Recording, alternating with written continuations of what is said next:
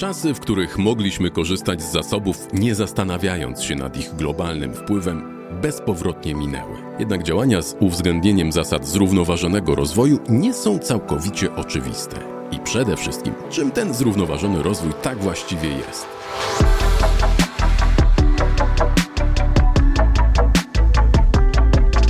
Zostawmy na chwilę naszą osobistą odpowiedzialność i przyjrzyjmy się temu, jak te kwestie postrzegają przedsiębiorstwa. W tym sezonie podcastu Halo to Bank zaprosiliśmy do rozmowy przedstawicieli firm, którym cele określone w agendzie ONZ 2030 nie są obojętne.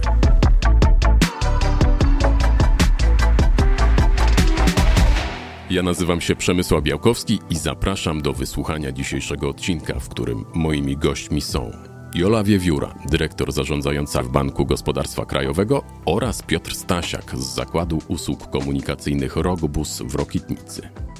Według agendy 2030 Organizacji Narodów Zjednoczonych celem numer 8 jest wzrost gospodarczy i godna praca.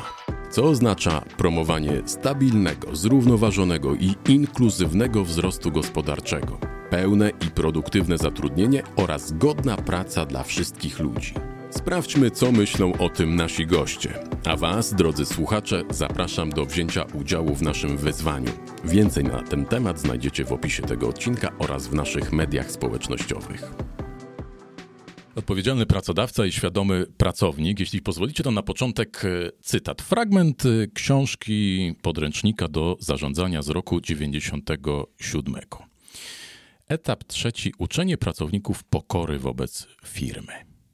O, widzę uśmiechy, chyba już to kojarzycie, ale myślę, że mimo wszystko warto o tym wspomnieć. Niedawno pojawiło się na Twitterze, dosyć szerokim echem odbiło się, ale już do rzeczy.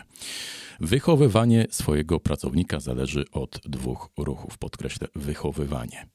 Po pierwsze, zawala się go robotą ponad miarę, aby miał trudności z wyjściem przed wieczorem z pracy i aby musiał i tak zabierać część roboty do domu. Po drugie, zadania, które otrzymuje, są zdecydowanie poniżej jego kwalifikacji. Klimat pokory wobec interesów firmy to jest cel, jaki takimi praktykami według tego podręcznika można osiągnąć. No i co wy na to, Jola? Ja się bardzo cieszę, że zacząłeś od tego cytatu. Bo tak jakby on był skierowany właściwie do mnie, dlatego że ja dokładnie w 1989 roku weszłam na rynek pracy. I obserwuję ten rynek pracy od ponad 30 lat. I faktycznie to jest prawdą co przeczytałeś, to się działo w latach 90., tak? To był właśnie. Powiedziałaś, to jest prawdą, ja już się przestraszyłem, że to jest prawdą i dalej to stosujemy.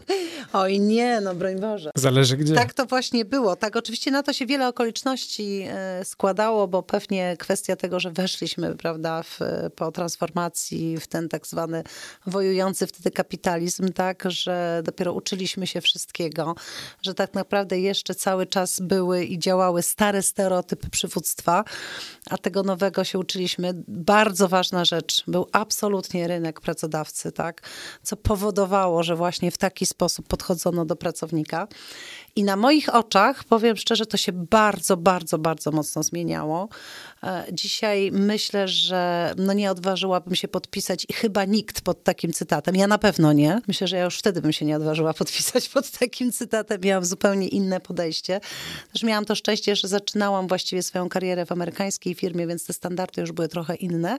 Chociaż nie ukrywam, że też trochę jednak e, traktowano nas tutaj jako tych uczących się, w związku z tym pozwalano też na pewne rzeczy e, właśnie według to, tych starych stereotypów. ja jeszcze dopowiem, bo ja to sprawdziłem, tak mnie to zainteresowało. To, to jest e, na podstawie amerykańskich e, danych amerykańskiego podręcznika z kolei z lat 80., więc też nie jest, że to nasz wymysł menadżerski. Tak myślę, mhm. tak myślę, że to tak, tylko że wtedy ja myślę, że tam już mimo wszystko się wiele zmieniało, a my byliśmy jeszcze na tej ścieżce z lat właśnie 70. i, i, i 80. Także absolutnie zmiana nastąpiła ogromna, tak? I dzisiaj musimy powiedzieć, że jeżeli mówimy o pokorze, o tej pokorze tam dużo jest, to ta pokora przede wszystkim dotyczy właśnie menadżera, tak? To ta pokora właśnie przede wszystkim dotyczy pracodawcy i o tej pokorze właśnie mówimy, ale w kontekście pracodawcy czy w kontekście menadżera, nie w kontekście pracownika. To dzisiaj firmy bardzo mocno otwierają się na pracownika. Nie, nie, nie dzisiaj, to, to się dzieje już od kilku lat. Absolutnie podkreślając, że pracownicy to jest największy kapitał firmy, tak? I oczywiście ktoś może powiedzieć, że mamy dzisiaj rynek pracownika i to może dlatego, ja myślę, że to się już nie zmieni, że mamy tego pełną świadomość jako pracodawcy, że to jest ten największy aset. To jest patrzenie na pracownika przez pryzmat tego, ile wnosi, jak różnorodne ma pomysły. To jest jego słuchanie za tym idzie, wykorzystywanie tych pomysłów, tak? Wiele rzeczy później za tym idzie. Także absolutnie ogromna zmiana na przestrzeni tych 30 lat, ogromna zmiana. Myślę, że też spowodowana tym, to tak na koniec powiem, że zaczęły na rynek pracy wchodzić nowe pokolenia, które patrzyły już na pracodawcę, na przywództwo i patrzą dzisiaj zupełnie inaczej. I pewnie za chwilę o tym będziemy mówić, już właśnie patrzą przez pryzmat e, takiej przyszłości, zrównoważenia, zrównoważonego rozwoju. To się również z tym wiąże. Piotr, ja e, patrzyłem, widziałem twoją reakcję podczas, e, po tym jak przeczytałem te, te fragmenty, więc myślę, że tutaj mm, opinia e, podobna. Przynajmniej oboje zareagowaliście tak samo. To, Ale tego oczekiwałeś.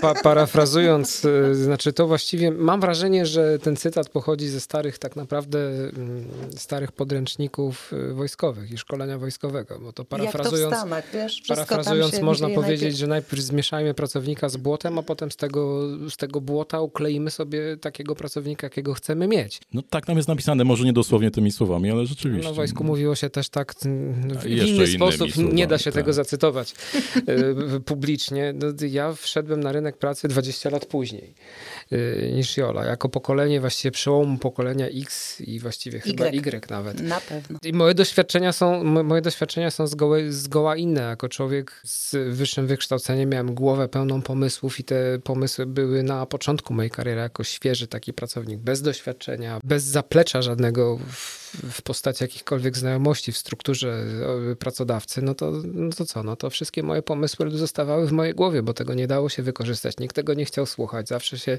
spotykałem z takim podejściem, no co ten młody może wiedzieć. A wbrew pozorom ci młodzi wiedzą bardzo dużo, bo patrzą w inny sposób niż my patrzymy na organizację, już będąc, y, będąc w środku tej organizacji.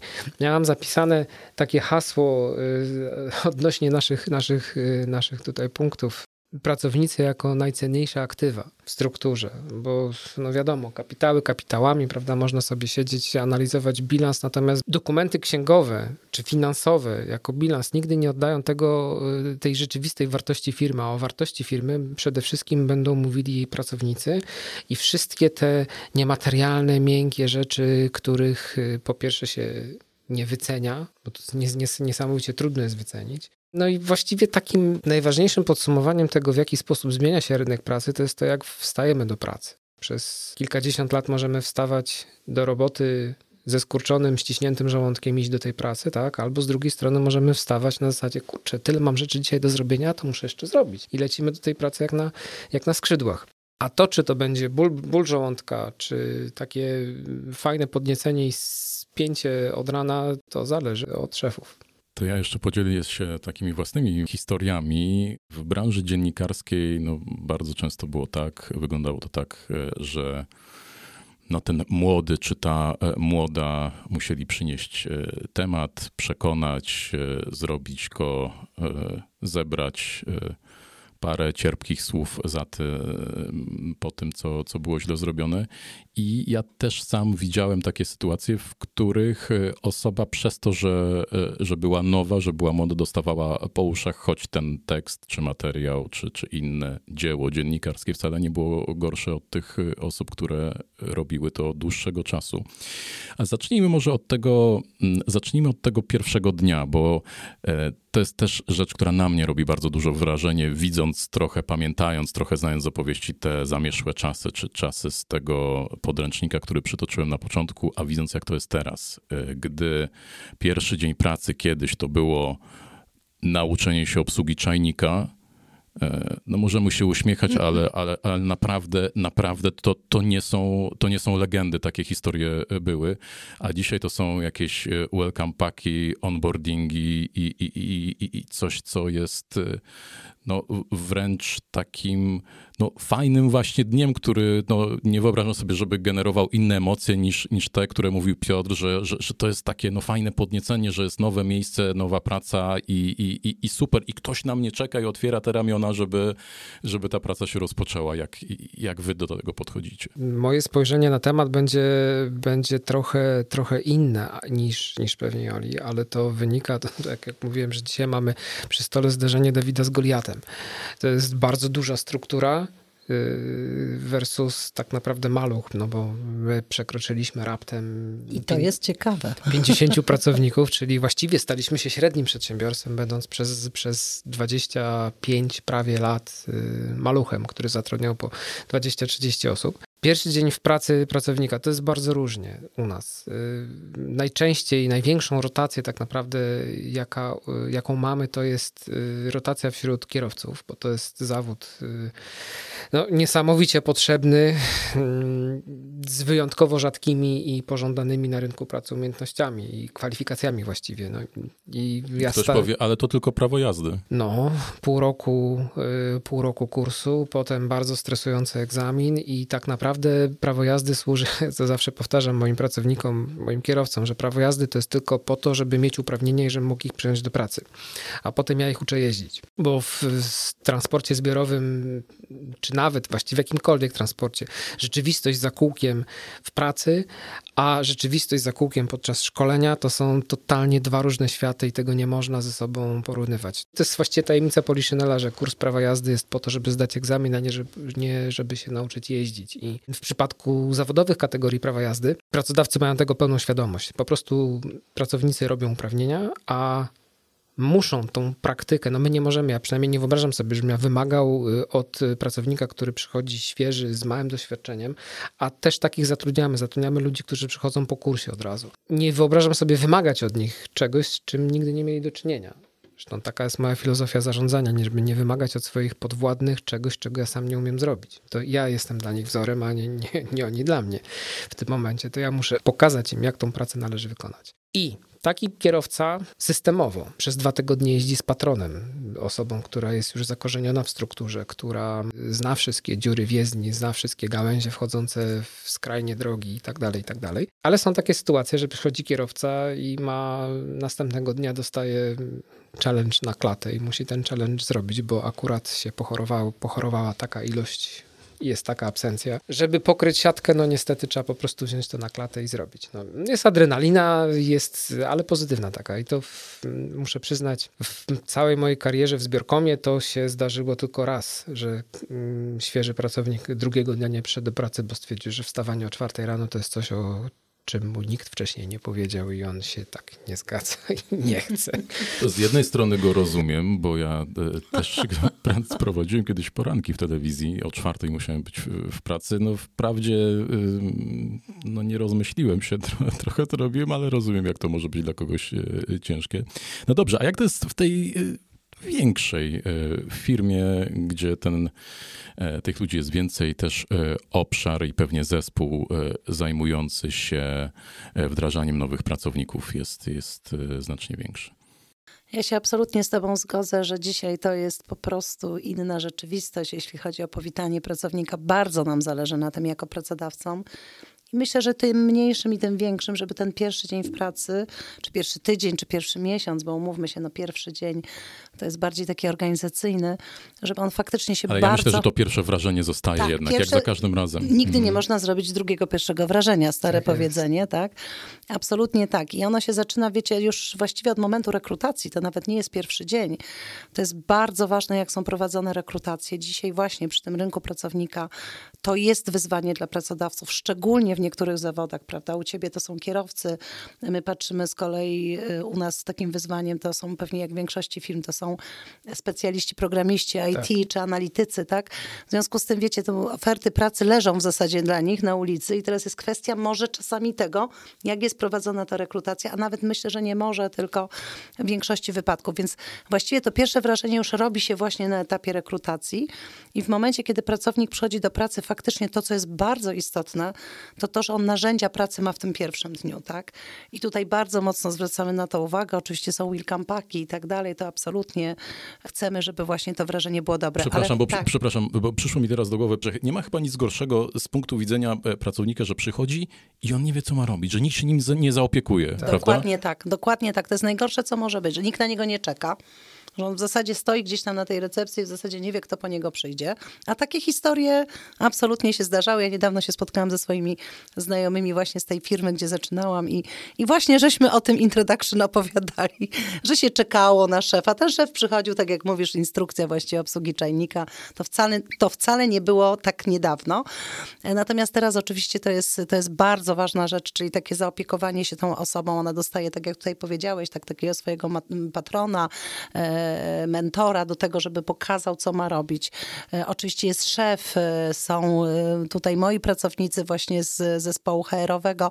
Także wiele się wokół tego pracownika dzieje. Ale ja bym chciała właśnie w tym momencie powiedzieć bardzo ważną rzecz.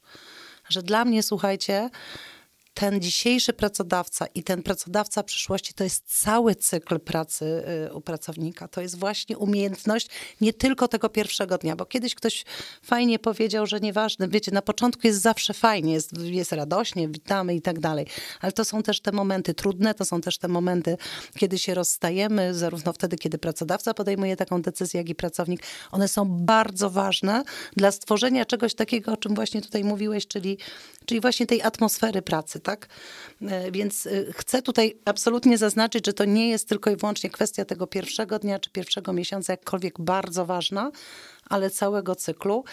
I tu nie ukrywam i chciałabym, żebyśmy też o tym porozmawiali, bo też powiedziałeś to słowo i absolutnie się zgadzam. To jest bardzo ważne przygotowanie kadry menedżerskiej, tak, od której bardzo dużo zależy i to tej kadry od najwyższego, od, od prezesa, tak, jak tutaj Piotr, do, do, do, do tej najniższej kadry, bardzo ważne. Oczywiście w mniejszych firmach pewnie niektóre rzeczy będą właśnie łatwiejsze, chociażby takiego bezpośredniego kontaktu.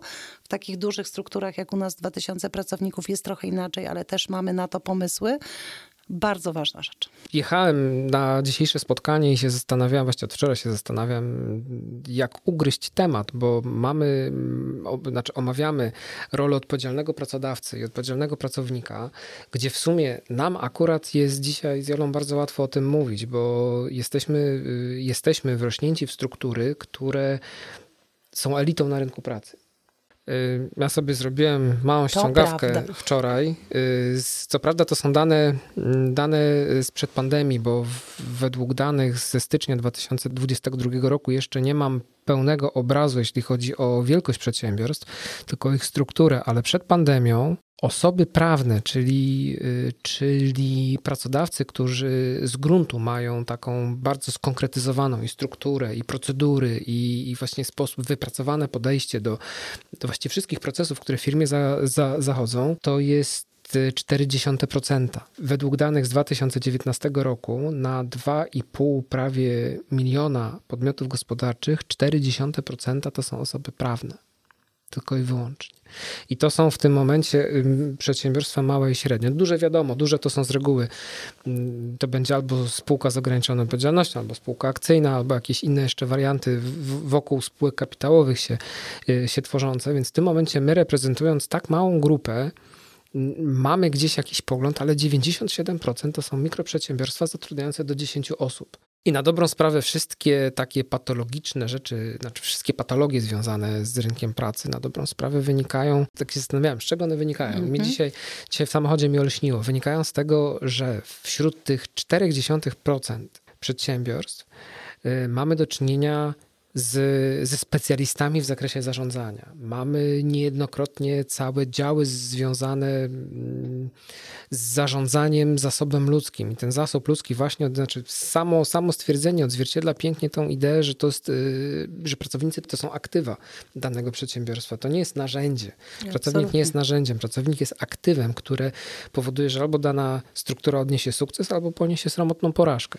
Natomiast mikroprzedsiębiorcy w większości przypadków to są, y, to są rzemieślnicy, fachowcy, specjaliści, którzy odwalają dla naszej gospodarki narodowej kawał dobrej roboty, ale nikt ich nigdy nie szkolił. Oni nigdy nie przechodzili żadnych kursów nie mieli styczności z teorią zarządzania, nie mieli stycznością z, do, z dobrymi praktykami, które dla nas są E, dla nas są oczywistością i my też się w tym zakresie staramy szkolić, staramy się podpatrywać dobre wzorce, jak to, jak to się dzieje w tych firmach, które dla nas powinny być, e, być A przykładem. jak to udowodniliśmy, to się zmienia. Więc zmienia się bardzo trzeba... i ja się y, nie do końca z Piotrem tutaj zgadzam, dlatego że rzeczywiście zgadzam się, że, że małe i średnie firmy to jest ponad 90% naszych przedsiębiorców, natomiast słuchajcie, też obserwuję y, ilość osób, które dzisiaj kończą MBA, tak, czyli studia z zakresu zarządzania i to są naprawdę duże ilości osób. Oczywiście jest większy dostęp do tego.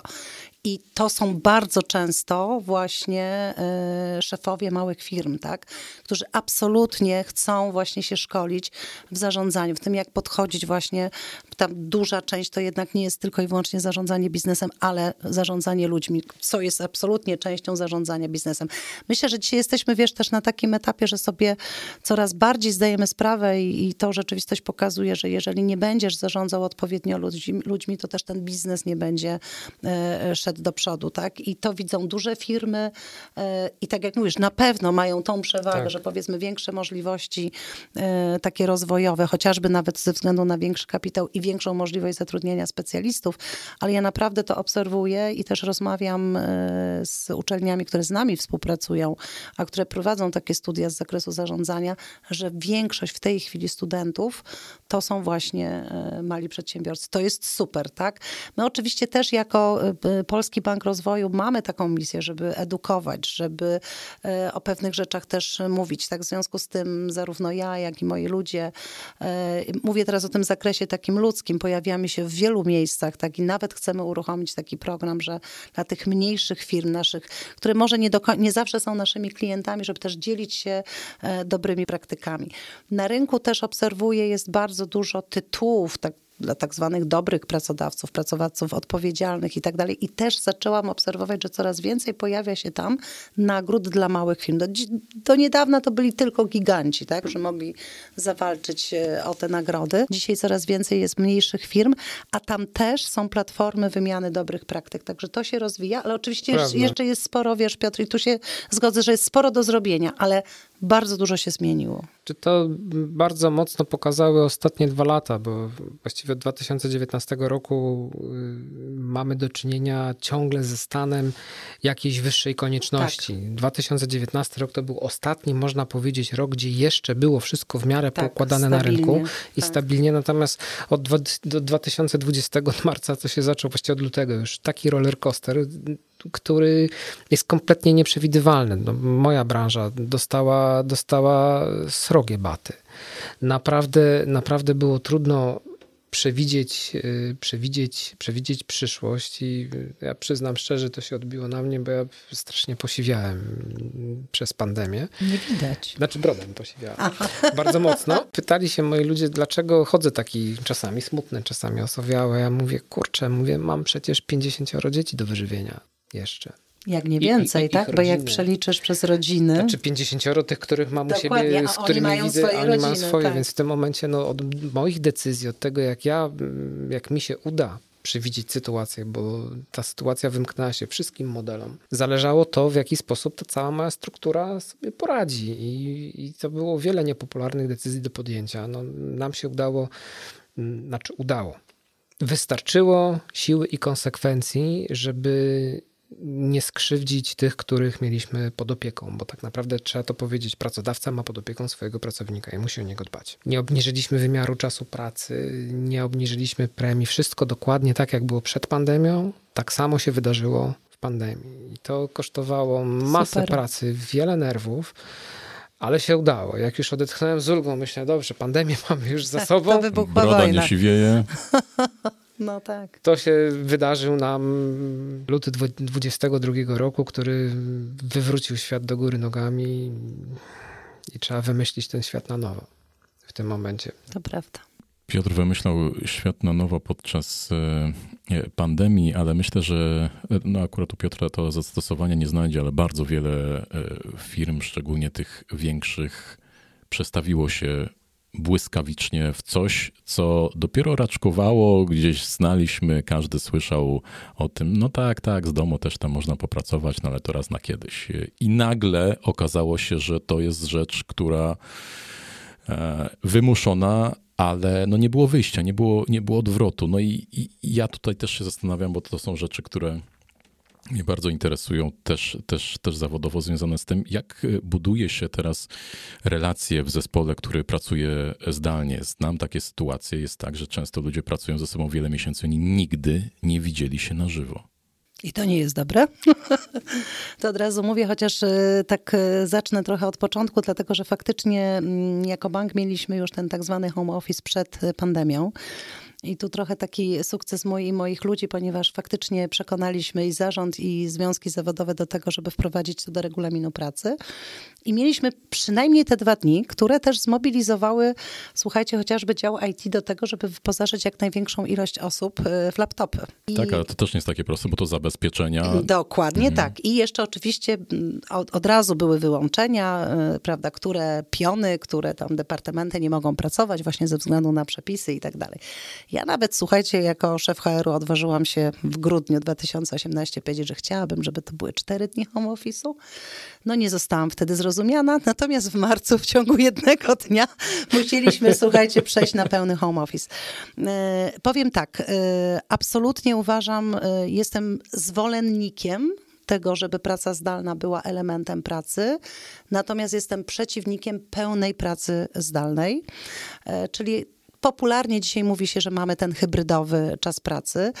Już powiem dlaczego. Faktycznie wysłaliśmy wszystkich pracowników na lockdown, mogliśmy sobie na to pozwolić, zabezpieczyliśmy oczywiście bardzo szybko te najważniejsze miejsca, bez których bank nie może funkcjonować, a jako Bank Rozwoju to my mamy tą przypadłość i taką misję, bo przypadłość źle powiedziane, misję, że właśnie my się najbardziej rozwijamy w czasie kryzysu, tak, bo wtedy jednak wiele rzeczy, no tutaj Piotr też może potwierdzić. I chociażby wszystkie tarcze tarcze antykowidowe, to, to, to też tutaj żeśmy tworzyli. W związku z tym są, były takie działy, które absolutnie od razu musiały pracować i trzeba było w pierwszej kolejności zabezpieczyć y, to, to miejsce pracy w domu, ponieważ no, zarządzenie było takie, że wszyscy pracujemy y, z domu. Natomiast co ważne, słuchajcie, wiele rzeczy, które było dotychczas ograniczeniem, nagle się okazało, nawet takim proceduralnym, wewnętrznym, nagle się okazało, że absolutnie ono jest do przejścia, tak? że można robić inaczej. Czyli ewidentnie ewidentnie e, wpłynęło to na taką większą otwartość i elastyczność i okazało się, że absolutnie można tak funkcjonować, jednocześnie oczywiście zabezpieczając pod kątem bezpieczeństwa e, cały bank. Czyli to miało absolutne przełożenie e, na plus, tak? tak? To, co żeśmy na pewno, słuchajcie, od razu zrobili, bo to jest trudne, to zresztą powiedziałeś o tym, to jest kwestia, jak zarządzać takim zespołem, który jest w domu, który jest rozproszony, gdzie nie zawsze można można było przy dużych zespołach włączyć wszystkie kamerki, bo padał gdzieś tam komuś internet, czy nawet nasz system, tak? W związku z tym oczywiście tego uczyliśmy. No i nie ukrywam, że dosyć szybko, jak było, było już to możliwe, zaczęliśmy zapraszać pracowników z powrotem do biura, ale właśnie na zasadzie takiej hybrydy, tak? Czyli częściowo pracujemy w biurze, częściowo zdalnie, ale już wtedy, kiedy faktycznie przygotowaliśmy liderów, menadżerów do tego, żeby zarządzać takim zespołem, zespołem, który, czy pracownikiem, który pracuje zdalnie. I dzisiaj jesteśmy w takim momencie, gdzie faktycznie mamy te dwa dni w tygodniu, gdzie pracownicy mogą pracować zdalnie. O tym, e, w które to są dni, to już decyduje menadżer zespołu, nie wchodzimy. W pozostałe dni jesteśmy w pracy. Przyszedł nawet taki moment, to też było ciekawe, nie wiem Piotr, czy ty to miałeś, bo pewnie też część osób pracowała zdalnie u ciebie w biurze na przykład. Przyszedł, słuchajcie, taki moment, że ludzie wręcz chcieli przychodzić do biura, tak? Byli zmęczeni pracą w domu. Oczywiście na to się nakładały inne rzeczy, że na przykład jak to były rodziny, to i dzieci się uczyły zdalnie i małżonek, małżonka pracowała zdalnie, więc w tym biurze, ale przede wszystkim chcieli się spotykać i od tego nie możemy odejść. Te relacje no nie zastąpią e, relacji przez ekran. Mówiliśmy, tak? mówiliśmy o tym pierwszym wrażeniu, ale mm, myślę, że jest też dużo takich znaków, które jesteśmy w stanie przekazać tylko e, na żywo. No już nie mówię o tym przysłowiowym klepnięciu w ramię, ale to jest Oczywiście. uśmiech, to jest ton, w jakim powiemy dzień dobry, spojrzymy na kogoś i... Chociaż i muszę ci powiedzieć, że myśmy nawet mówili menadżerom, słuchajcie, spotykajcie się na intranetowej, e, takiej takiej internetowej kawie, tak? E, róbcie Tak, też były i takie w- i spotkania. słyszałem, dokładnie, tak. I robiliśmy spotkanie wigilijne nawet. Oczywiście, więc zrobiliśmy wiele rzeczy, które jakąś tam namiastką było, ale to nigdy nie zastąpi Komunikacji niewerbalnej nic Tak. nie jest w stanie absolutnie zastąpić. No przez ekran nie przytulisz na przykład, tak? A to jest No bardzo ważne. Czy nie podasz ręki? To, co było dla mnie wyzwaniem, już do wdrożenia narzędzi takich porządkujących pracę, niekoniecznie pod kątem pracy zdalnej, ale tak, żeby uporządkować strukturę w ogóle przepływu informacji, to się zbierałem rok przed, przed pandemią i tak w zespole miałem opór. Nie, nie, nie, ludzie tak nie bardzo to czuli, a potem nagle przyszło, że musiałem to w dwa dni wdrożyć, przetestować i dać gotowe narzędzia y, całemu zespołowi. I to się dało, tak? To każdy to zaakceptował, każdy poszedł do domu z komputerem pod pachą i z dokumentami, które musiał ze sobą wziąć, ale ale, właśnie tu się zaczynają całe, całe ale. U nas zostało y, fizycznie w biurze, zostaliśmy, zostało tylko ścisłe kierownictwo i po jednej osobie od zabezpieczenia tych najbardziej newralgicznych mm, aspektów naszej działalności, więc można powiedzieć, że cała, cała zajezdnia to było, to, było, to był budynek widmo, bo na każdym poziomie był jeden człowiek tylko i no w sumie to by były takie okresy, gdzie byliśmy po dwie, trzy osoby dosłownie na terenie całej, całej zajezdni, które pilnowały realizacji, e, realizacji procesów i tak szybko jak można było z tej pracy zdalnej wrócić, to pościągałem wszystkich, znaczy właściwie nie musiałem ściągać, bo sami wrócili. No właśnie. sami, sami chcieli. Ja osobiście nie lubię pracy zdalnej. No. Mnie strasznie, strasznie spotkania online męczą. To właściwie mówili wszyscy, z którymi miałem styczność, że to tak jak siedzimy przy stole, prawda, to się można To ja odchylić. doprecyzuję, my siedzimy przy stole, tak, nie, nie łączymy Nie się zdalnie. rozmawiamy online. Dokładnie.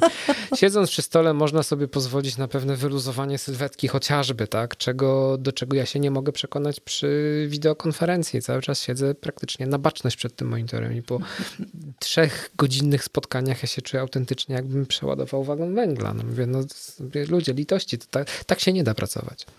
Tak się po prostu nie da pracować. A z drugiej strony, z trzeciej, piątej, to przy lockdownie i pracy zdalnej, też trzeba sobie zadać pytanie, czy my możemy pracowników wysyłać faktycznie do pracy w domu ze względu na chociażby zabezpieczenie informacji, którymi, nad którymi oni pracują.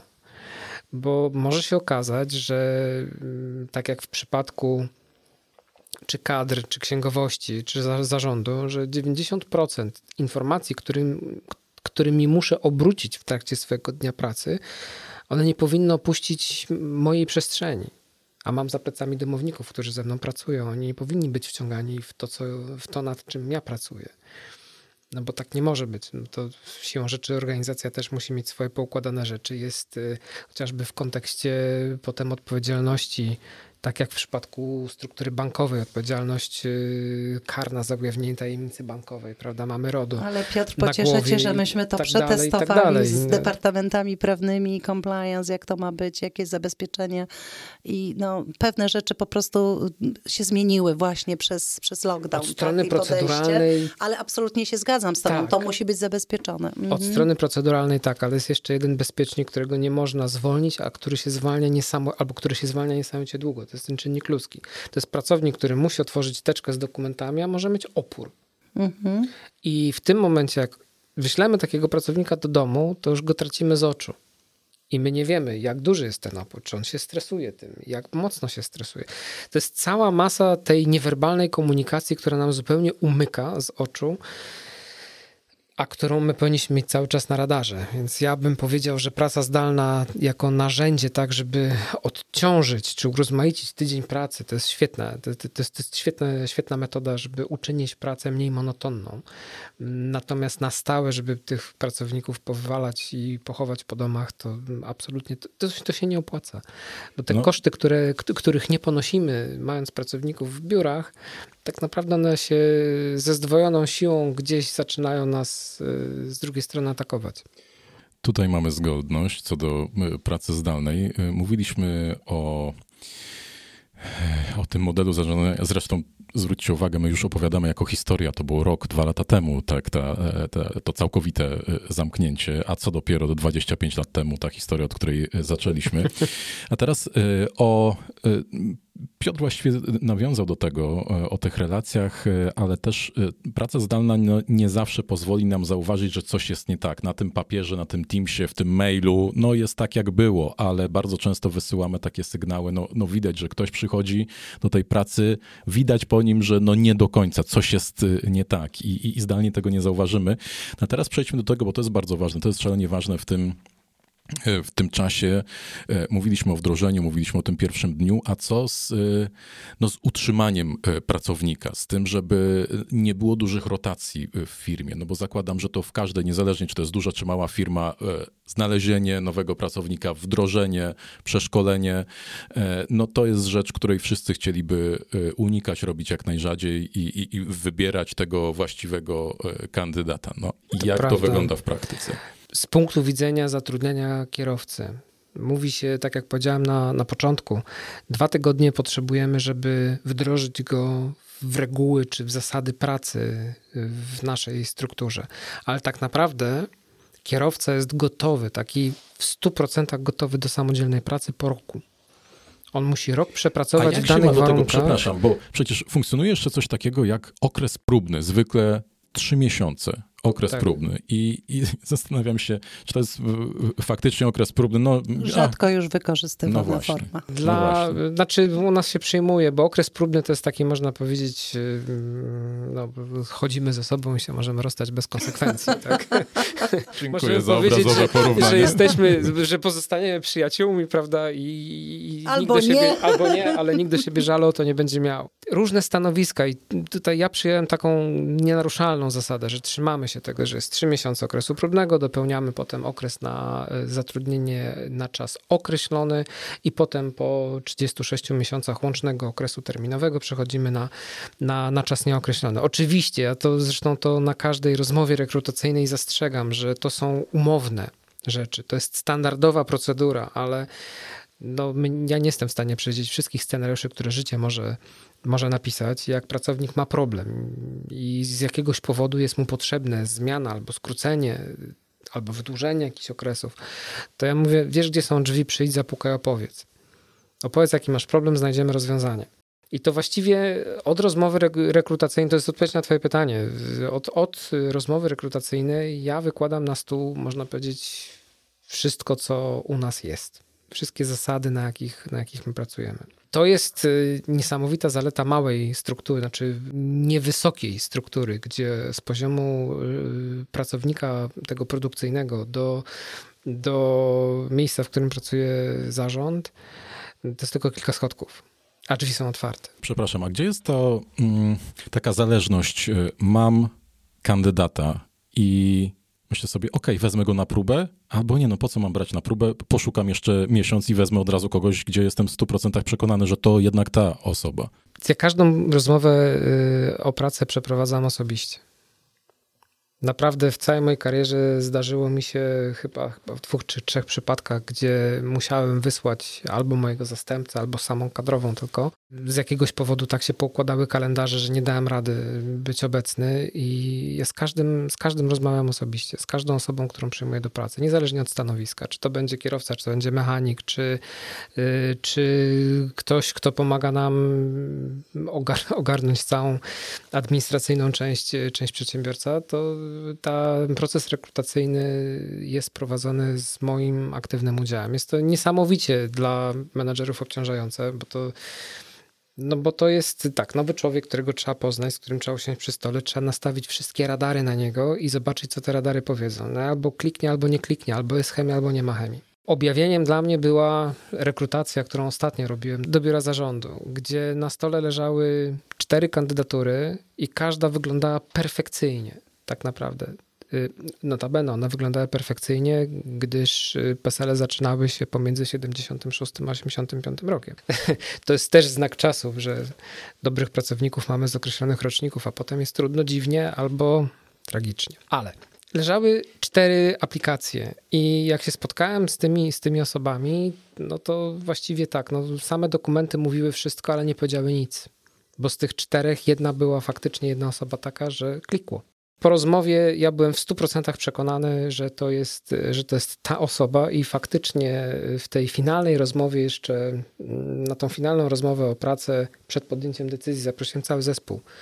I cały zespół, z którym potem ta osoba miała pracować, też brała udział w podjęciu decyzji. Właściwie ich najpierw zapytałem o zdanie, czy, czy, czy tak, czy nie, i dopiero sam podjąłem decyzję. I muszę przyznać, że to była trafiona, no to takie klasyczne bullseye. Ja wrócę może Przemku do tego pytania, chociaż oczywiście tutaj Piotr dużo o tym też powiedział, ale do tego pytania, jak zatrzymać dobrego pracownika, w ogóle pracownika, tak, bo myślę, że jak pracuje, to jest dobry.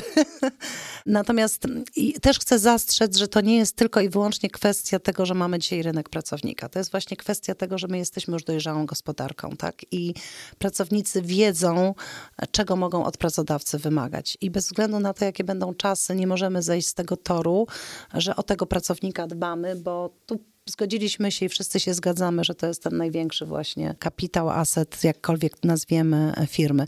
W związku z tym faktycznie zaczyna się to od rekrutacji, natomiast to, co jest absolutnie ważne, to jest oczywiście kwestia, tak jak już powiedzieliśmy, tej, tego programu adaptacyjnego. To jest bardzo ważne, tak jak ten pracownik jest właśnie e, przyjęty, czy ma e, opiekuna, czy ma kogoś, kto mu pokaże, jakie te zadania będzie wykonywał, tak?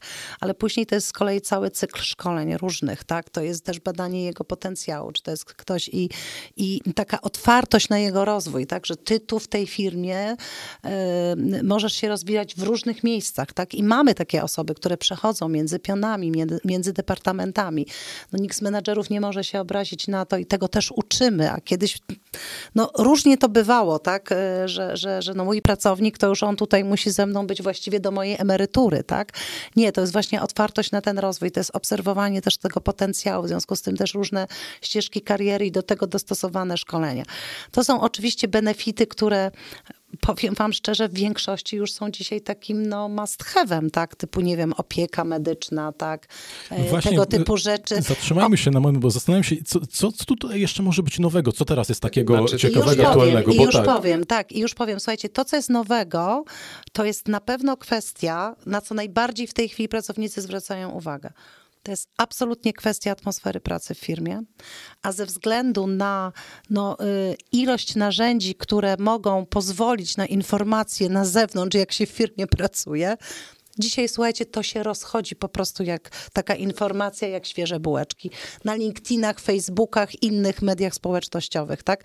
Czyli tak naprawdę atmosfera pracy, którą absolutnie tworzy zarząd, którą tworzą menadżerowie, którą tworzą współpracownicy. To jest kwestia pracy zdalnej. Dzisiaj ten temat, słuchajcie, to jest temat ważny dla pracowników. Jakkolwiek byśmy o niej myśleli, oczywiście hybryda przede wszystkim, chociaż są takie miejsca, słuchajcie, jak chociażby właśnie programiści informatycy, których zatrudniamy z całej Polski już dzisiaj, gdzie dla nich ważne jest, żeby to jednak było te 99% pracy zdalnej, tak? I na to się godzimy. Więc to jest taka druga rzecz, na którą bardzo zwracają uwagę. I co ciekawe, to jest to nowe pokolenie, które wchodzi ale słuchajcie, takie pytania się już pojawiają. E, może na razie do tych wielkich, ale za chwilę do tych mniejszych. A co wy robicie dla przyszłości planety? A czy wy jesteście firmą zrównoważonego rozwoju? A czy dbacie o takie czy inne elementy? Słuchajcie, zaczynają się te pytania pojawiać, co dla mnie już jest sygnałem, że faktycznie wchodzi na rynek pracy pokolenie, dla którego to będzie bardzo ważne. Jaka jest wasza misja? Czy wy tylko chcecie zarabiać pieniądze? Czy myślicie o tym, jak się będzie rozwijało, oprócz tej atmosfery, co robicie dla społeczeństwa? I naprawdę, może parę lat temu komuś by się wydawało dziwne, że ludzie o to pytają, a dzisiaj ludzie o to pytają. Mało tego, jak ja pytam, ja rzadko już w tej chwili rekrutuję, ale jeżeli pytam i czy nawet rozmawiam z moimi pracownikami, jak pytają, a dlaczego wybrałeś Bank Gospodarstwa Krajowego? Bo robicie dużo bardzo dobrych rzeczy dla gospodarki, dla społeczeństwa, tak? Tu jest dużo, dużo różnic właśnie Właściwie jest dużo różnic, które sprowadzają się do wspólnego mianownika. To jest bardzo ciekawy wniosek y, z tego, co powiedziała Jola, bo tam, gdzie jest duża rozbudowana struktura i pionowo, i poziomo, jest yy, moim zdaniem znacznie łatwiej zatrzymać pracownika, nie wypuścić go spod marki, spod brandu swojego, bo można, jak on się zaczyna nudzić, albo się nie spełnia, albo no, nie ma chemii ze swoim tym bezpośrednim przełożonym, można go zagospodarować gdzieś, yy, gdzie indziej. W, w pracy takiej zorganizowanej wokół prac szeroko rozumianych biurowych, tam, gdzie wymagane jest y, wykształcenie już, już to bardziej kierunkowe czy wyższe, też jest to zupełnie, zupełnie to inaczej wygląda. Natomiast w przypadku firm, które są zorientowane na produkcję na przykład, gdzie ten trzon produkcyjny jest bardzo ważny, to no, tutaj z pracą zdalną mamy problem. O to kierowcy mnie pytali, mówię, tak. szefie, mówią praca zdalna, to co będziemy siedzieć na konsoli i łupać na, tym, będziemy łupać kontrolerem i patrzeć na kamerce, gdzie jedzie autobus. No to tak, tak, taka, to, taki żarcik właściwie nam z tego, e, z tego w firmie wyszedł, żeśmy się ubawili, ubawili setnie, no ale taka jest prawda. Są, są y, stanowiska pracy, które niestety nigdy nie będą mogły pracować zdalnie, tak jak kierowca u mnie, tak jak y, mechanik, który no siłą rzeczy, on musi przyjść do pracy i ten Y, ten autobus przygotować do, do dalszej jazdy, naprawić, zrobić obsługę. Personel sprzątający, który też zdalnie nie może tego autobusu posprzątać. Zdalnie mogę pracować ja, zdalnie może pracować y, księgowość, mogą pracować kadry, mogą pracować asystenci, nawet dyspozytorzy. Mhm. Choć jest to wyzwanie techniczne już, żeby przekierować strumień danych w to miejsce, w którym jest człowiek, a nie w którym stoi maszyna. Ale to już jest, powiedziałbym, mniejszy problem. Natomiast no, ten aspekt pracy zdalnej y, tu i tu odgrywa mniejsze znaczenie. Druga sprawa jest taka, że w takich y, miejscach zorientowanych na produkcję też inne akcenty są, jeśli chodzi o wykształcenie, czy, czy kwalifikacje, czy umiejętności, czy, czy doświadczenie. I z racji samego z zakresu działalności, jaką się przedsiębiorstwo zajmuje, mogą być poblokowane możliwości awansu. I w tym momencie zatrzymać pracownika w takiej strukturze to jest y, naprawdę potężne, y, potężne wyzwanie. I tu właśnie Y, olśnienie, wracamy do wspólnego mianownika, czyli atmosfera pracy. Atmosfery pracy. Oczywiście. Dokładnie. Ja na to stawiam, stawiam bardzo duży akcent i narzędzia do pracy zdalnej bardzo, bardzo uważam pomagają, bo ja podjąłem w pewnym momencie decyzję, żeby strumień danych, czy strumień informacji, które służą wykonywaniu pracy, był stricte werbalny, techniczny na platformach.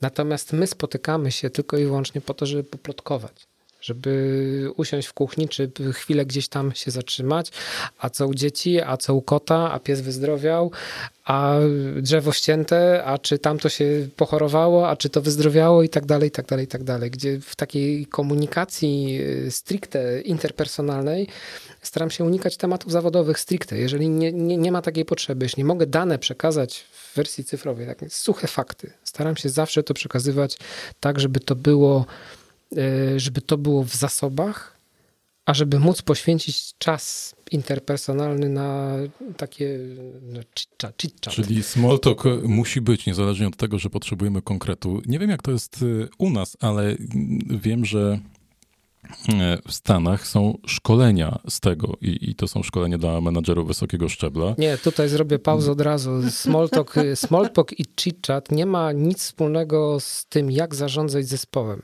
Smalltalk i, i chit-chat, czyli taka mówiąc po naszemu, bo też korpomowa trochę mnie drażni i staram się zawsze dawać temu odpór, czyli pogawędki mają służyć tylko i wyłącznie temu, żebym ja wiedział, kim moi pracownicy są, jakie mają problemy, e, co im siedzi z tyłu głowy. Dla mnie ta informacja jest ważna. No i właśnie ale dzięki wiesz, temu Piotr, będziesz jest... dobrym menadżerem, a pracownik wiesz... poczuje, że tak, ciebie tak. interesuje to, co się u niego dzieje, a nie tylko, że ma zrobić to, to, to, to i tamto. Tylko, że takie właśnie nabywanie umiejętności interesowe, znaczy ale to jest interesowne, znaczy, to jest coś, czego masz nie, się nauczyć, to, to jest jakaś kolejna umiejętność czy kompetencja. Tak Wiesz, nie dla każdego to jest naturalne. Są ludzie, którzy są typowo zadaniowo nastawieni i dla nich pisanie maila jednozdaniowego jest ok, a są tacy, którzy by jednak y, oczekiwali i lepiej poczuli się z tym, a co u ciebie, a oprócz tego to poproszę cię o to i o tamto. Tylko, że ja dalej się będę upierał, że maile powinny być jednozdaniowe, bo mail po to jest. W mailu potrzebujemy suchej informacji, natomiast po to, żeby się zapytać, co u ciebie, to ja, ja wolę zdecydowanie wysłać maila do asystentki, czy do prawniczki, czy do kadrowej, czy do księgowej z listą zadań jednozdaniowych. Po prostu precyzyjnie sformułowane zadania, informacje, to co ja potrzebuję, to co yy, zespół potrzebuje ode mnie. Klikam wyślij, a potem biorę kubek z kawą i idę pogadać. Piotr, to ja ci muszę tutaj komplement taki od, wiesz, od osoby, która w HR pracuje bardzo wiele lat. Ty jesteś właśnie tym przywódcą na te czasy i na przyszłe czasy, tak? A tu absolutnie się zgadzam z Przemkiem. Nasz. E, to jest, tak, bo, bo, bo wiesz, y, to co, co wiemy o tobie, ale też to co słucham, tak? To są właśnie te dwie nogi, tak? Czyli ta noga biznesowa, zadbanie o biznes, zadbanie o firmę i druga ta noga ludzka, tak? Zadbanie po prostu o, o człowieka. I to co powiedział Przemek, ja 30 ponad lat jestem na rynku. Absolutnie, jeszcze 20 lat temu, wiesz kto był najlepszym liderem? ten, który realizował zadania bez, bez względu, na, na, to, jakie, jakimi metodami. Tak? Ale do czego zmierzam? I myśmy, wiesz, i myśmy, i myśmy właśnie ta zmiana, o której ja też na początku mówiłam, super, że, że Przemku to pytanie zadałeś, ona między innymi polega na tym, że my bardzo mocno zmieniliśmy myślenie menadżerów i my ich uczymy. To, co powiedziałeś, to nie jest tak, że każdy ma tak jak my, tą umiejętność porozmawiania z ludźmi o ich sprawach rodzinnych, o ich, o, ich, o, ich zdrowiu, czy wypicia z nimi kawy, a napisania bardzo krótkiego maila. Dla bardzo wielu liderów, też bardzo dobrych, jest to bardzo trudne, tak? Tylko zmierzam I do teraz tego... jest kwestia, wiesz, i my ich tego uczymy. I teraz, tak. jeżeli masz ten potencjał, to Ale absolutnie jesteś co, w stanie też się o tego co mi nauczyć. Chodzi? chodzi mi o to, że szkolenia jak najbardziej tak i te szkolenia są ważne, tylko to nie... Uważam, że nie wolno wysyłać ludzi na szkolenia z komunikacji takiej interpersonalnej czy z prowadzenia smalltalku y, dla samego odbycia tego szkolenia. To szkolenie powinno być y, zrealizowane jako wewnętrzna potrzeba danej osoby. My nie możemy narzucić prowadzenia rozmowy w taki sposób. My nie możemy, Wiesz znaczy co, ja uważam, ale... że próba, y, próba przekształcenia introwertyka w ekstrawertyka jest zbrodnią przeciwko ludzkości nie, prawie, że. Natomiast jeżeli ten introwertyk przyjdzie i powie, słuchajcie, potrzebne mi jest takie szkolenie, bo ja się nie mogę z tym moim zespołem dogadać, to to jest, to jest właśnie tylko to jest, to jest problem, właśnie ten moment. Problem może polegać na tym, że ten człowiek nie wie, gdzie tkwi problem. I e, to właśnie ktoś z działu HR może go naprowadzić, może mu odpowiedzieć, słuchaj, Czyli no jesteś, szef? Tak, tak, jesteś świetny tak. czy świetna w, w, tym, co robisz. E, brakuje ci tej e, jednej rzeczy i tą rzeczą może być to, e, o czym rozmawiamy. Ja muszę powiedzieć taką rzecz, że ja znam wielu menadżerów introwertyków, którzy są genialnymi liderami, potrafią świetnie rozmawiać ze swoimi ludźmi, jakkolwiek mhm dla nich jest to większy koszt niż dla ekstrawertyka. Tak, a dla nich to może być no, trudne, znam ale wiedzą. Ale wiedzą i fantastycznie to robią. I znam wielu ekstrawertyków, nie chciałabym, żeby byli moimi szefami, mimo, mimo, tego, że potrafią prowadzić właśnie tego typu rozmowy. Więc tu absolutnie nie wchodźmy w ekstrawertyzm, introwertyzm, dlatego że jest nas mniej więcej po połowie, mówię o no, na całym prawda. świecie i ludzi, i liderów. E, I jedni i drudzy e, muszą wiedzieć ważną rzecz że jest biznes i skuteczność w biznesie i jest człowiek, którym ty musisz zarządzać. Także to jest, słuchaj, ja rzecz, bym... która bardzo mocno w Polsce się zmieniła. Ja się bardzo z tego cieszę, e, dlatego, że naprawdę obserwuję to, widzę, e, jak, jaką to zmieniło zmianę i jakie zatacza kręgi. A to, co powiedziałeś, tak. dzisiaj ludzie właśnie na to patrzą, z kim będę pracował, kto mną będzie zarządzał i jaka będzie atmosfera pracy. Więc, więc bez przygotowania tych liderów właśnie w takim kontekście no nie doprowadzilibyśmy do tego. To spójrzmy jeszcze szerzej na firmę, na, na przedsiębiorstwo. Mm, pomówmy o tym, jak wizerunek, czy, czy takie informacje, które wychodzą na zewnątrz, e, wpływają na to. Tym, na ten wizerunek może wpłynąć, Jola też o tym wspomniała już, choćby podejście do bardzo teraz istotnych e, może to, to niedobrze oddające słowo, ale modnych kwestii jak zrównoważony rozwój czy e, ekologia, ale rzeczywiście szczególnie najmłodsze pokolenie wkraczające na rynek pracy może być tym mocniej zainteresowane. Co jeszcze wpływa na to, jak firma jest postrzegana i czy rzeczywiście, ja nie wiem, jakieś jedno hasło, jedno zachowanie, e, jedna nie do końca udana kampania jest w stanie wpłynąć na decyzję człowieka, który powie, o nie, do tej firmy to ja nie będę wysyłał CV, albo wprost przeciwnie, o, oni mi zaimponowali, nawet jeśli to stanowisko nie do końca jest wymarzone, ale wiem, że DNA tej firmy to jest coś, co, co mi się podoba. Znaczy tu bym po powiedział, mm, że należy oddzielić y, wizerunek, który jest obecny w przestrzeni medialnej od tego, czym firma jest, jakie wartości wyznaje i jak działa i jak pracuje. Niestety rzeczywistość, y, rzeczywistość taka medialna uczy nas tego, że nie można wierzyć temu, co się widzi. To jest bardzo przykre, bo wszystkie narzędzia, które służą budowaniu wizerunku typu e, Twitter, Facebook, ostatnio bardzo dynamicznie rozwijający się TikTok, który wbrew pozorom zaczyna pomału gdzieś YouTube'a i Facebooka spychać do, do defensywy, budują przekaz, budują content, tak? ale czy odzwierciedlają DNA firmy? Nie jestem do końca przekonany. Natomiast y, to, ten wizerunek, o który faktycznie powinniśmy dbać i który faktycznie odzwierciedla DNA firmy i który faktycznie jest w stanie tego pracownika bądź przyciągnąć, bądź, bądź odepchnąć, to jest ten wizerunek, który rozprzestrzenia się bez udziału mediów. To jest ten wizerunek szeptany. Szeptana reklama mm, wśród pracowników, wśród rekruterów, wśród y, działów y, HR. To tworzy wizerunek firmy i to jest ten wizerunek, który się najtrudniej buduje i który się najtrudniej odbudowuje po wpadce. I dlatego do wpadki nie można w tym przypadku dopuszczać. Czyli mm, mówiąc, mówiąc wprost, y, dla mnie nie jest aż tak istotne to, co mówią o mnie na Facebooku ludzie, których nie znam. Nie jest dla mnie istotne to, jakie będą komentarze pod postami, które opublikuje jakiś serwis y, internetowy z jakimś newsem, którego nikt nie weryfikował nawet u mnie. Dla mnie jest ważne, co mówi mój pracownik. I dla mnie ważne jest, y, co mój pracownik powie o mnie komuś innemu. I to, I to tworzy tak naprawdę to wizerunkowe DNA każdej firmy. I to my powinniśmy robić swoje najlepiej, jak potrafimy i tak, jak czujemy, że jest najlepiej dla danej organizacji. I to tworzy tak naprawdę potem całą otoczkę firmy, bo to są te good, good vibrations tak naprawdę. I, to, i, i to, to, to jest ważne. A nie akcje marketingowe, nie akcje reklamowe. Wiadomo, że są branże, które muszą to robić, bo bez tego kontentu medialnego no, sypie się cała, cała koncepcja tworzenia wizerunku i pracy nad wizerunkiem, ale jeżeli bazujemy, budując wizerunek tylko na kontencie, a nie ma tego DNA, to jest wydmuszka. A lepsza jest firma, która ma DNA, a nie ma wizerunku medialnego, niż firma, która ma genialny wizerunek medialny, a okazuje się być wydmuszką. Ja się zgodzę z Piotrem na pewno w tym, że najlepszą wizytówką firmy są jej pracownicy, ale nie tylko jej pracownicy. Dostawcy, z którymi firma współpracuje, e, całe otoczenie. kurierzy, całe otoczenie, klienci i tak dalej. To jest najlepsza wizytówka firmy no ale nie da się ukryć. I tutaj, Piotr, się nie zgadzam z tobą, że no dzisiaj bardzo mocno jednak ta przestrzeń medialna y, działa y, przeciwko albo za, tak, bo to zależy. W związku z tym faktycznie ta reakcja na różnego rodzaju informacje, które się pokazują, musi być bardzo szybka, jeżeli one są negatywne. I oczywiście również mamy, ja mówię teraz znowu o dużej firmie, tak, mamy i departamenty komunikacji i tak dalej, jak sobie z tym radzić, ale też chcemy się pokazywać, w związku z tym wiele osób pracuje właśnie na to, żeby ten wizerunek firmy tworzyć to, co jest i, i absolutnie nie, nie to, to, są takie czasy i tutaj ciężko zaprzeczyć, słuchajcie, temu, że jeżeli się pokaże jedna taka informacja od banku, na przykład Polskim Banku Rozwoju, która jest negatywna, ona później idzie po prostu jak śnieżna kula, chociaż nie do końca pewnie jest prawdą e, i tego byśmy nie chcieli i tutaj y, musimy na to reagować, więc to jest bardzo ważne, żeby dbać o ten wizerunek.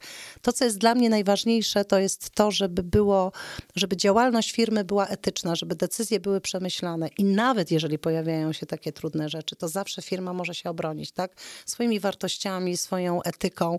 E, I, i, i myślę, cały czas wierzę w to, że tak jest i nawet przy jakichś tam trudniejszych momentach e, w różnych firmach widziałam, że właśnie wtedy można się obronić. W związku z tym te wszystkie Oczywiście. rzeczy, które są w środku, tak? które są absolutnie przewidziane pewnymi procedurami, które, które dotyczą również podejścia etycznego do pracowników, które dotyczą podejścia etycznego do dostawców, do klientów i tak dalej, to się obroni, ale nie da się ukryć, że dzisiaj jest to trudne. Tutaj, ale zgodzisz... Przepraszam, chyba chodzi o skalę znowu i, tak, i, i lokalność, tak, bo ja rozumiem tak, tutaj w tak. przypadku Piotra... Nie, nie, nie, nie, dlatego, znaczy, wiesz, nie, nie do końca, nie do końca, bo chciałem się właśnie zapytać, czy zgodzisz się ze mną, że firma, która jest skupiona tylko i wyłącznie w budowaniu swojego wizerunku, na tworzeniu kontentu, w oderwaniu od, A, to absolutnie. od struktury, to się, to się nie obroni. Absolutnie, to musi być spójne, tak? Bo firmy, to, to absolutnie firmy można bardzo prosto podzielić na dwie grupy. Firmy, które przeszły kryzys i firmy, które przejdą kryzys. I tak naprawdę reakcja na kryzys pokazuje, czym firma jest, jakie ma DNA, jakie ma wartości, jaką etyką się Tak kieruje, jest. w którą Tak stronę, w którą, gdzie są jakie akcenty po, po, po, porobione. I nie sposób jest, y, no wiadomo, w sytuacji kryzysowej nie sposób jest schować głowę w piasek i czekać, aż się, prawda, samo wszystko rozwiąże. Nie, nie, nie, to, to, nie miałem tego absolutnie na myśli. Okej. Trzeba wyjść w kryzysie tak naprawdę na pierwszą linię, stawić czoła tej śnieżnej kuli, która na nas idzie i tak naprawdę no, albo lawina nas zmiecie, albo nas nie zmiecie. Natomiast ja będę się dalej przy tym upierał, że firma, która ma dobre DNA i która y, wartości etyczne i całą etykę biznesu ma na najwyższym poziomie, niezależnie od tego, y, niezależnie od tego, co się wydarzy, ma y, zasadniczo dużo większe szanse na przejście przez nawet najcięższy kryzys niż, Absolutnie niż tak. podmioty, To które, jest dla których to, co mówiłam. dla tak. których tylko wizerunek ten i, i tylko poprawne komentarze są, są, są celem samym w sobie. Tylko tutaj podział możemy zastosować jeszcze trochę inny. Ja to tak przynajmniej rozumiem, że mm, po pierwsze e, mniejsza skala, e, lokalność, gdzie no, wszyscy się znają albo znają kogoś, kto pracuje e, w tej firmie, co zresztą też może znaleźć odzwierciedlenie w znacznie większej firmie, która ma oddziały i no wiecie co, no to jest tak, tak mi się wydaje przynajmniej, że no jeśli znamy ktoś, kogoś, kto pracuje w, w takim banku, czy w takiej korporacji, czy w takiej firmie, no to pewnie zauważymy ofertę, no to pierwsze co zrobimy, to pogadamy z tą osobą, no Zapytamy jak tą to jest, osobę, tak, tak. oczywiście. To prawda, to prawda. Aczkolwiek y, zasięg problemu i skala, ja bym powiedział, to jest bardzo, to, to bardzo zależy od y, samej branży, w której funkcjonuje firma. Bo wiadomo, że mamy bank, mamy właściwie Bank Gospodarstwa Krajowego, który jest No jedynym ba- bankiem rozwoju w Polsce, tak? Czy, czyli chciałem wiecie, powiedzieć, że jedynym są- ba- bankiem jedynym w swoim rodzaju, bo Tak, on tak, jest tak. jedynym bankiem, który nie pracuje na prawie bankowym, tylko wprost na ustawie. Ale na prawie bankowym też No pracują. wiadomo, oczywiście musi, ale Ale nie pracujemy działań- dla zysku. Dokładnie, dokładnie. Natomiast w przypadku mojej branży, to czy mamy do czynienia z przedsiębiorstwem transportowym, które ma dwa autobusy, jak mikroprzedsiębiorcy, czy ma 2000 autobusów, jak chociażby, chociażby MZ w Warszawie, to wypadek tego autobusu to będzie zawsze katastrofa w ruchu lądowym, No tak, która odbije się szerokim To echem prawda. po całym kraju. To prawda. Skala, skala zjawiska może być niezależnie od tego, z jakim, z jak dużym podmiotem mamy do czynienia, skala zjawiska może być, yy, może być porażająco duża i która wpływa tak naprawdę nie tylko na samego przedsiębiorcę, ale na branżę. To przełożymy na branżę bankową. Czy będziemy mieli problem w jednym z największych, czy największym banku w Polsce, czy jakimś małym banczku, tak? Przekłada się na całą, Przekłada się na cały sektor. na cały więc to- sektor. Absolutnie tak. wszystko jest i lokalne, i globalne jednocześnie. To niestety przy, tak, przy dzisiejszym natychmiastowym dostępie do wszelkich informacji, tak naprawdę mała firma może wygenerować światowy kryzys, tak naprawdę, a afera w wielkiej firmie może pozamykać malutkie firmy. I świetny specjalista może się polubić z małą firmą, bo, bo zobaczy tam zupełnie inne możliwości, a może y, jego kariera nabrać y, tempa w, w dużej y, firmie. I chciałbym, żebyśmy na koniec podsumowali sobie i, i porozmawiali trochę o takim padło tu parę razy DNA firmy, ale DNA też tych naszych spotkań, tych naszych rozmów, które jednak są e, osadzone wokół e, ESG. I, i, i co to dla was właściwie znaczy? No to jest znowu, przepraszam Piotr, ale tak z, z angielskiego, e, ale to też jest, te, te, te trzy litery bardzo głęboko zakorzeniły się Wolę społeczną wszystkich- odpowiedzialność biznesu. bardzo proszę, to porozmawiajmy jeszcze na koniec o tej społecznej odpowiedzialności biznesu i o tym, co to e, dla was znaczy, bo, bo to się bardzo często e, pojawia e, i, i, i myślę, że e, to jest, to jest, to jest przyszłość. To, ja, ja gdybym tak najkrócej miał powiedzieć, że to jest, to jest przyszłość. Absolutnie tak. Słucham waszej, waszego Czy my zdania. akurat jesteśmy tutaj podmiotami, można powiedzieć, mało, repre- znaczy z jednej strony bardzo dobrze dobranymi, bo i Bank Gospodarstwa Krajowego i Zakład Usług Komunikacyjnych Rogbus, który ja prowadzę, mm, jesteśmy przedsiębiorstwami, które są nastawione na wykonanie, na wykonywanie pewnej misji. Bank wiadomo, to wynika z cel jest ustawowo określony, natomiast my jesteśmy spółką, której stuprocentową strukturę właścicielską stanowi jednostka samorządu terytorialnego, czyli jesteśmy spółką komunalną, która jest nastawiona z mocy również ustawy na realizowanie, na zaspokajanie potrzeb y, ludności Naszym celem nigdy nie był zysk i zgodnie zresztą z przepisami nigdy nie może być taki czysty zysk liczony prawda, w stopie zwrotu czy, czy we wskaźnikach finansowych. Natomiast no, my musimy robić swoją robotę najlepiej jak potrafimy. I tak naprawdę my, y, na, nasze struktury są w 100% nastawione właśnie na tą stronę y, i społeczną, i odpowiedzialności. I teraz, y, i teraz no, ja bym powiedział, no nie chcę się zajole wypowiadać, ale dla mnie to jest społeczna odpowiedzialność biznesu w swojej, w swojej branży. No to, jest, to, to jest nasze całe DNA.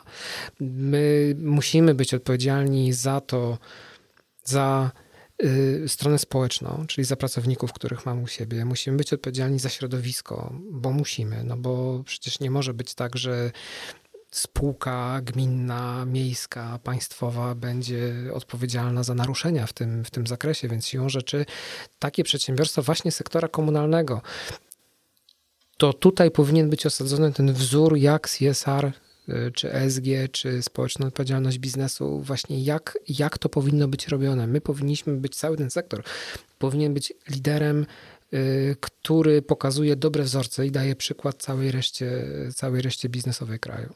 No ja powiem wam szczerze, że z tematami ESG bardzo mocno pracujemy już od co najmniej dwóch lat. Zresztą jest to zrównoważony rozwój, jest jednym z pięciu filarów naszej strategii. Natomiast ja się kiedyś zastanawiałam nad tym, że o tym już musieli myśleć nasi przodkowie, którzy zakładali ten bank 100 lat temu, słuchajcie, ponieważ oni sobie ustalili, że misją tego banku jest wspieranie społeczno-gospodarczego rozwoju Polski. Tak?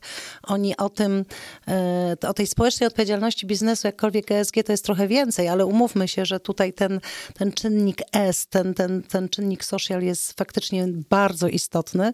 Oni już wtedy właśnie po to ten bank zakładali. My właściwie dlatego istniejemy, tak? Także kiedy przyszłam do tego banku kilka lat temu, to wiecie, co mnie najbardziej zaskoczyło? Że tutaj 80% y, ludzi w badaniu opinii pracowniczej wypowiedziało się, że jest dumnym z tego, że pracuje w tym banku. A jak zapytałam, dlaczego jesteście dumni, że tutaj pracujecie, to właśnie wskazywali, na tą kwestię, na te kwestie społeczne, tak, czyli wspierania przez bank kwestii społecznych. I tego się dzieje naprawdę bardzo dużo. E, jesteśmy z tego dumni, e, chcemy to realizować, chcemy właśnie w ten sposób zmieniać i społeczeństwo, i kraj, i gospodarkę, to o czym mówił Piotr. E, I bez względu na to, tak może podsumuję, czy to jest mała firma, czy duża firma, każdy z nas ma właśnie na to wpływ. W związku z tym to jest naprawdę bardzo ważny aspekt, który, tak jak powiedziałeś, Przemek, absolutnie w jakiś sposób formułuje, w jakiś sposób kreuje e, przyszłość, prawda, w społeczeństwie, w gospodarce. W związku z tym e, no nie ma od tego odejścia, tak? Oczywiście możemy się zgadzać z pewnymi rzeczami lub nie, możemy mieć pewne priorytety i tu absolutnie tak. Natomiast e, absolutnie każdy z nas tą rolę powinien wypełniać i nie tylko taką rolę działania, tutaj też to Piotr powiedział, a my bardzo mocno też na to stawiamy, też taką rolę edukacyjną, tak, żeby pokazywać innym, żeby rozmawiać też z naszymi naszymi e, klientami właśnie na ten temat. Słuchajcie, ok, robimy razem jakiś tam biznes, tak, jakieś finansowanie, jakąś transakcję, a co przy tym zrobimy dla społeczeństwa, tak? I taką rolę też widzimy właśnie swoją jako Banku Rozwoju. Środowisko, społeczeństwo i gospodarka, odpowiedzialny pracodawca, świadomy pracownik y, i wizja Jolanty Wiewióry i Piotra Stasiaka. Pięknie Wam dziękuję za rozmowę. Wszystkiego dobrego. Ja również bardzo dziękuję. Dziękuję bardzo. Dziękuję też Państwu. Dziękuję za Twoją uwagę i zachęcam Cię do wzięcia udziału w naszym wyzwaniu. Szczegóły na ten temat znajdziesz w opisie tego odcinka oraz w naszych mediach społecznościowych. Zasubskrybuj Halo to Bank w swojej ulubionej aplikacji podcastowej, aby nie przegapić żadnego odcinka. Do usłyszenia.